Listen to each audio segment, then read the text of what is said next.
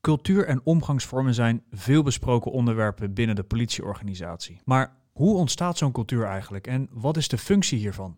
Leuk dat je luistert naar de podcast van het Podium voor Goed Politiewerk. Mijn naam is Erik van der Zanden. Naast me zit Sia Matoeg. En vandaag hebben we het over de politieorganisatie en de organisatie cultuur. En daarom is bij ons aangeschoven Danielle Brown. Danielle, welkom. Leuk dat je er bent. Dankjewel. Leuk. Dank voor de uitnodiging om hier te zijn. In Ja, het Haagse. In Ja, het. Haagse, Ja, in de binnenstad van Den Haag.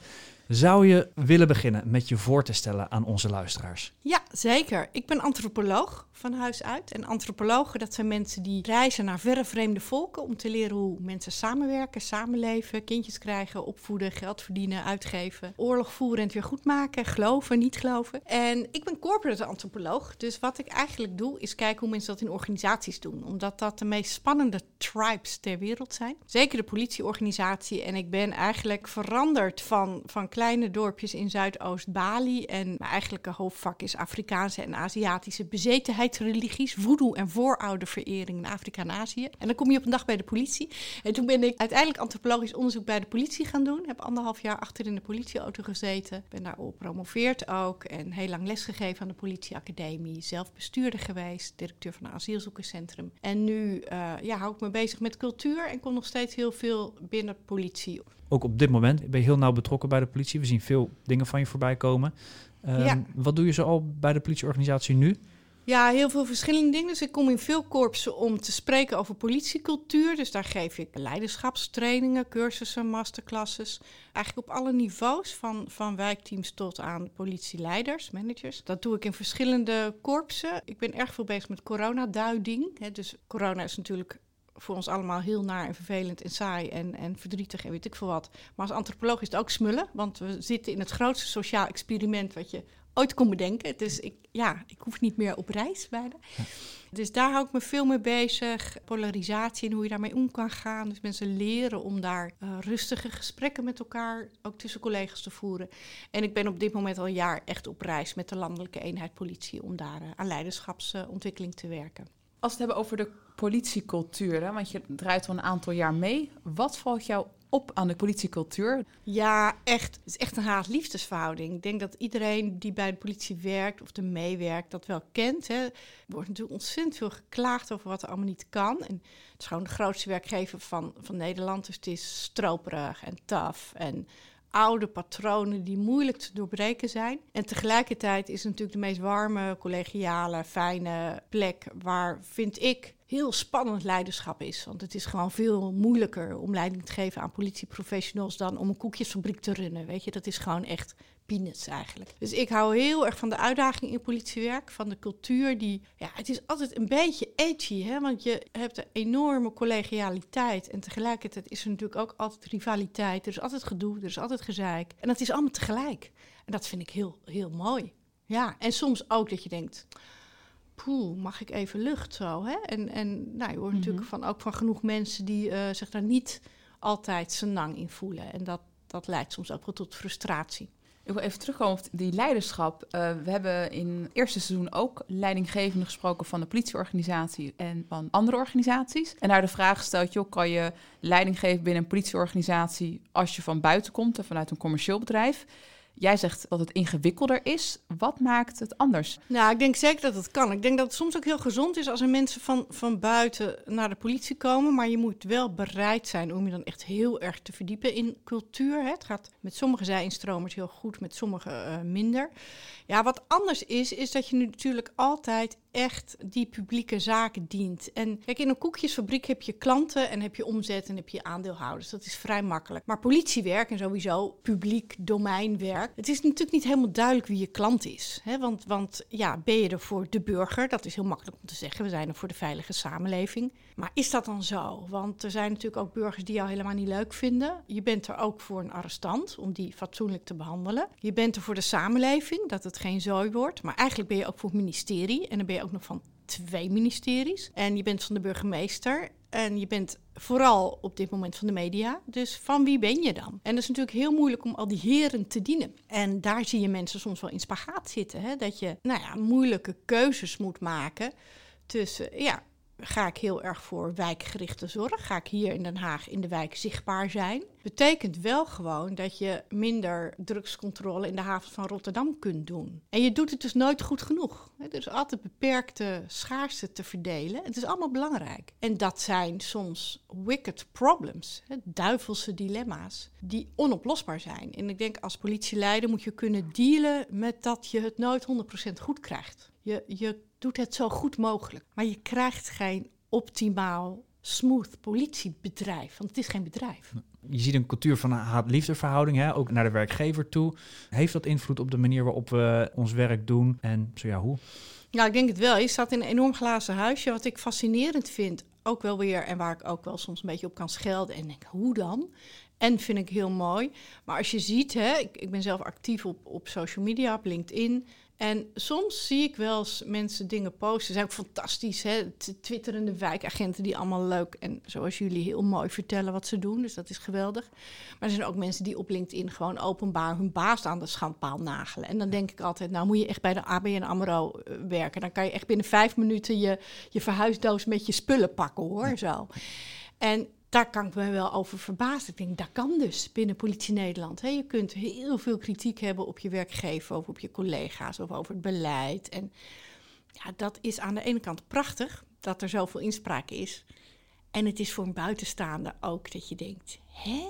Hoe kan dat nou? Dus dat is ook wel wonderlijk dat iedereen overal alles van mag vinden. Ja. En dat is. Uh, nou ja, Waarom denk je dat dat kan vanuit, vanuit jouw expertise en kennis? En dat is natuurlijk best wel uh, dubbel, want uh, ze hebben over aanspreekcultuur, kunnen we het buiten heel goed, binnen is het ingewikkeld. Waar denk je dat dat door komt? Ja, nou dat, dat is heel interessant, hè, waarom dat zo is. En dus heel veel vrijheid aan de ene kant en helemaal niet aan de andere kant. Hè. Als je in ME-linie staat, is het natuurlijk gewoon gaan en linksom en niet zeuren.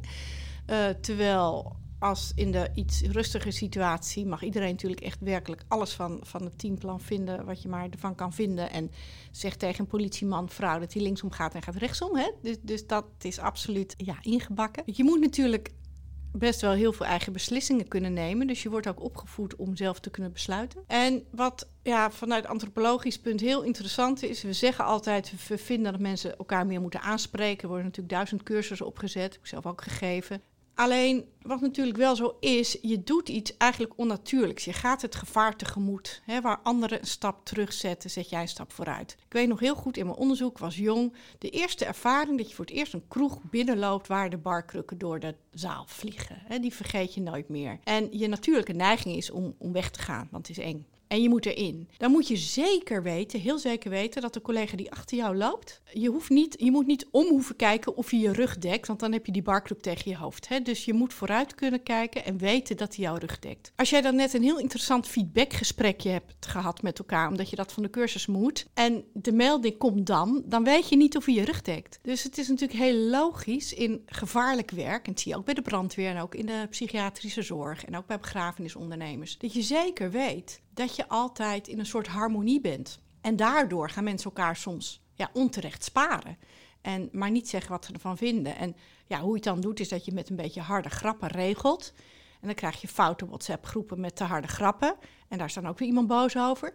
Dus je krijgt een soort eigen edgy herstelsysteem. Waar we heel boos over kunnen zijn. Ik ben soms heel boos dat buitenstaanders er boos over zijn. Want ik denk dat het heel logisch is. Wil niet zeggen dat je het moet goedkeuren. Maar ik denk wel dat het begrijpelijk is dat het ontstaat. Nou, daar heb ik wel eens ruzie over met mensen. Maar hoor ik je dan ook indirect zeggen van... eigenlijk heeft het geen zin om mensen naar trainingen van feedback te sturen? Nou, ik zeg altijd, als je niks doet aan feedback geven, aan leiderschap, aan polarisatie, aan onderlinge discriminatie, aan foute grappen, foute WhatsApp-groepen, wat natuurlijk een paar keer nu het nieuws is geweest. Als je er niks aan doet, gaat het rotten. Dus je moet er absoluut iets aan blijven doen.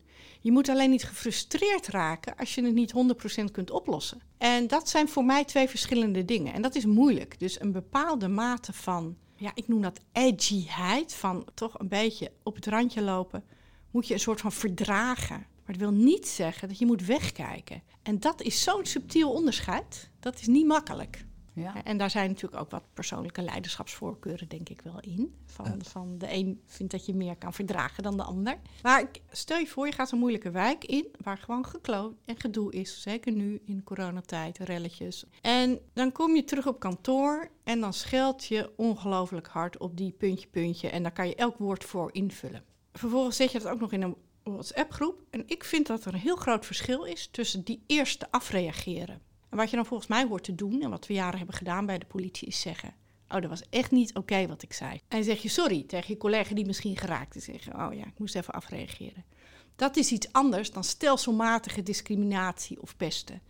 En wat ik nu soms zie, is dat we dat onderscheid niet meer maken. Tussen de heat van het politiewerk, wat gewoon soms heel zwaar is, en afreageren. En echt een mening hebben die gewoon niet in overeenstemming is met je professionaliteit. En dat gesprek zie ik te weinig precies gevoerd worden. Snap je nou wat ik Ja, bedoel? ja, ik snap wat je bedoelt. Ja, dat alles over één kam wordt geschoren terwijl je naar de situatie... En dan, gaan we hand, ja, en dan gaan we handboekjes maken. Ja. En dan gaan we de tien gouden regels maken. En daarvoor is het denk ik te complex en is politiewerk te complex. Want je hebt ook te maken met emotie, je hebt te maken Ja. met heftige gebeurtenissen. Heftige gebeurtenissen. Het is nooit te rechtvaardigen, hè? een, een Nee. foute opmerking. Het is nooit, hè, dus Nee. ik wil even heel duidelijk maken, het is Mhm. nooit te rechtvaardigen. Ja. Maar de emotie is wel te begrijpen. En de vraag is wat je er vervolgens mee doet. En, en hoe je het gesprek daarna aangaat. Buiten zijn we altijd professioneel en gedragen we ons netjes. En binnen, daar gaat het er nog wel eens inderdaad anders aan toe. Ja. Is, is dat te verklaren? Ja, het is heel goed te verklaren dat je een soort buiten-binnengrenzen humor maakt. Hè? Dus hoe ge- gevaarlijker werk, hoe meer je eigenlijk ja, behoefte hebt aan geheime codes. En, en, en dat je zegt, oh, je, wij, je, wij horen bij elkaars collega. Hè? Dus je maakt grappen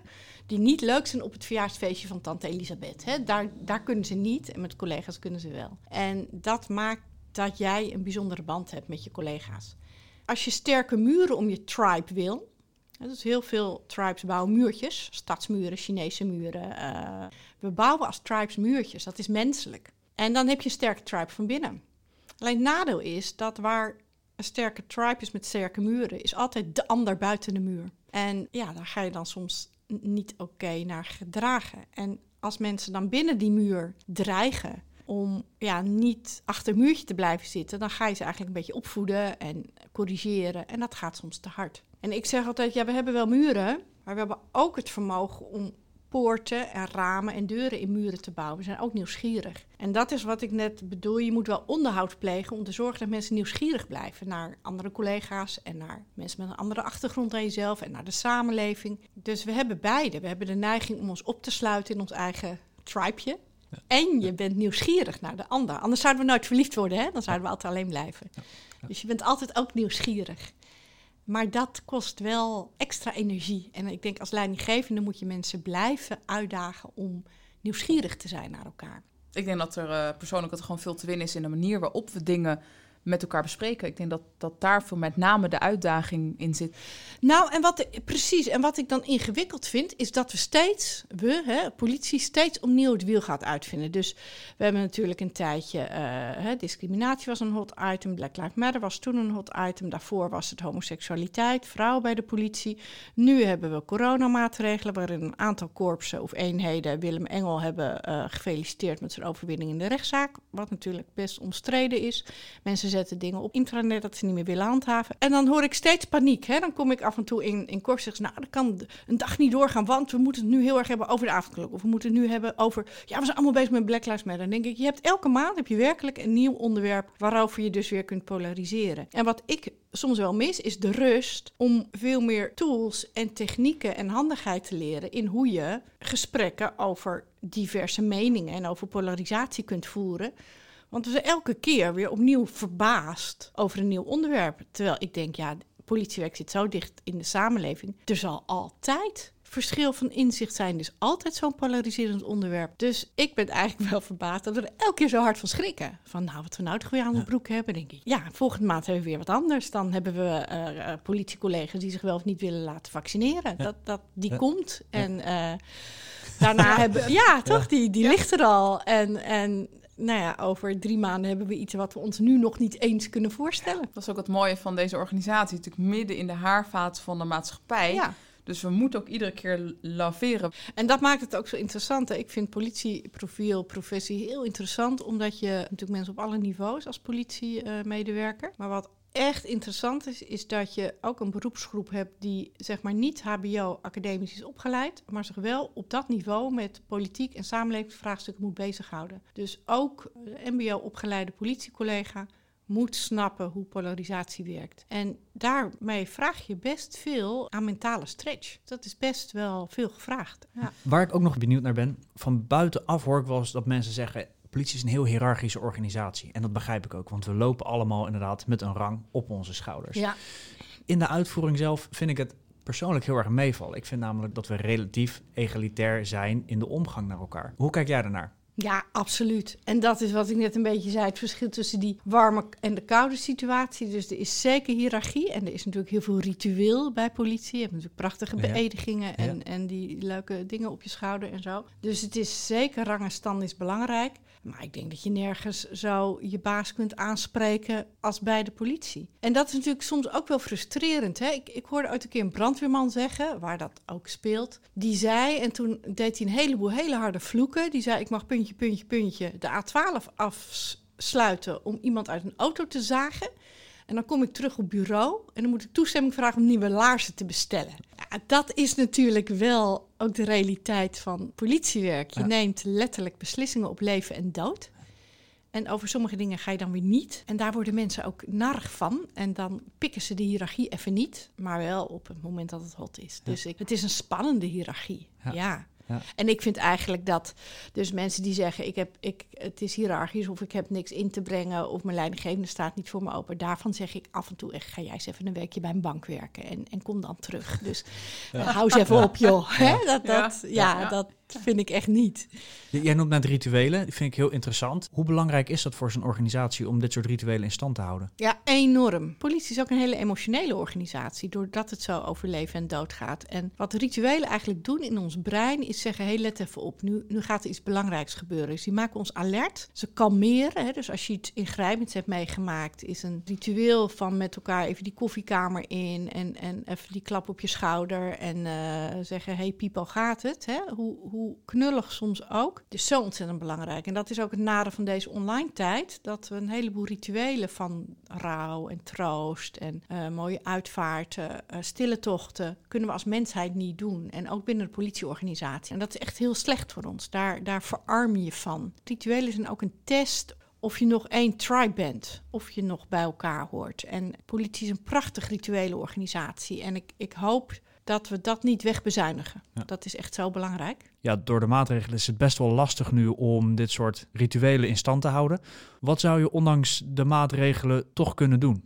Nou, wat je kunt doen is realiseren dat je op zo'n schermpje dan wat je eigenlijk doet, is dat je maar één aspect van mens zijn aanspreekt. Dus je doet eigenlijk alleen maar de homo economicus, de rationele handelende mens. Kan je op zich prima vergadering mee hebben. Maar mensen zijn meer. Hè? Mensen zijn ook de, de homo ludens, de spelende mens. En mensen zijn de homo eroticus, de flirtende mens. En de homo faber, je wilt mooie dingetjes maken. En je wilt zin geven met elkaar en rituelen maken. En dat is allemaal heel moeilijk online.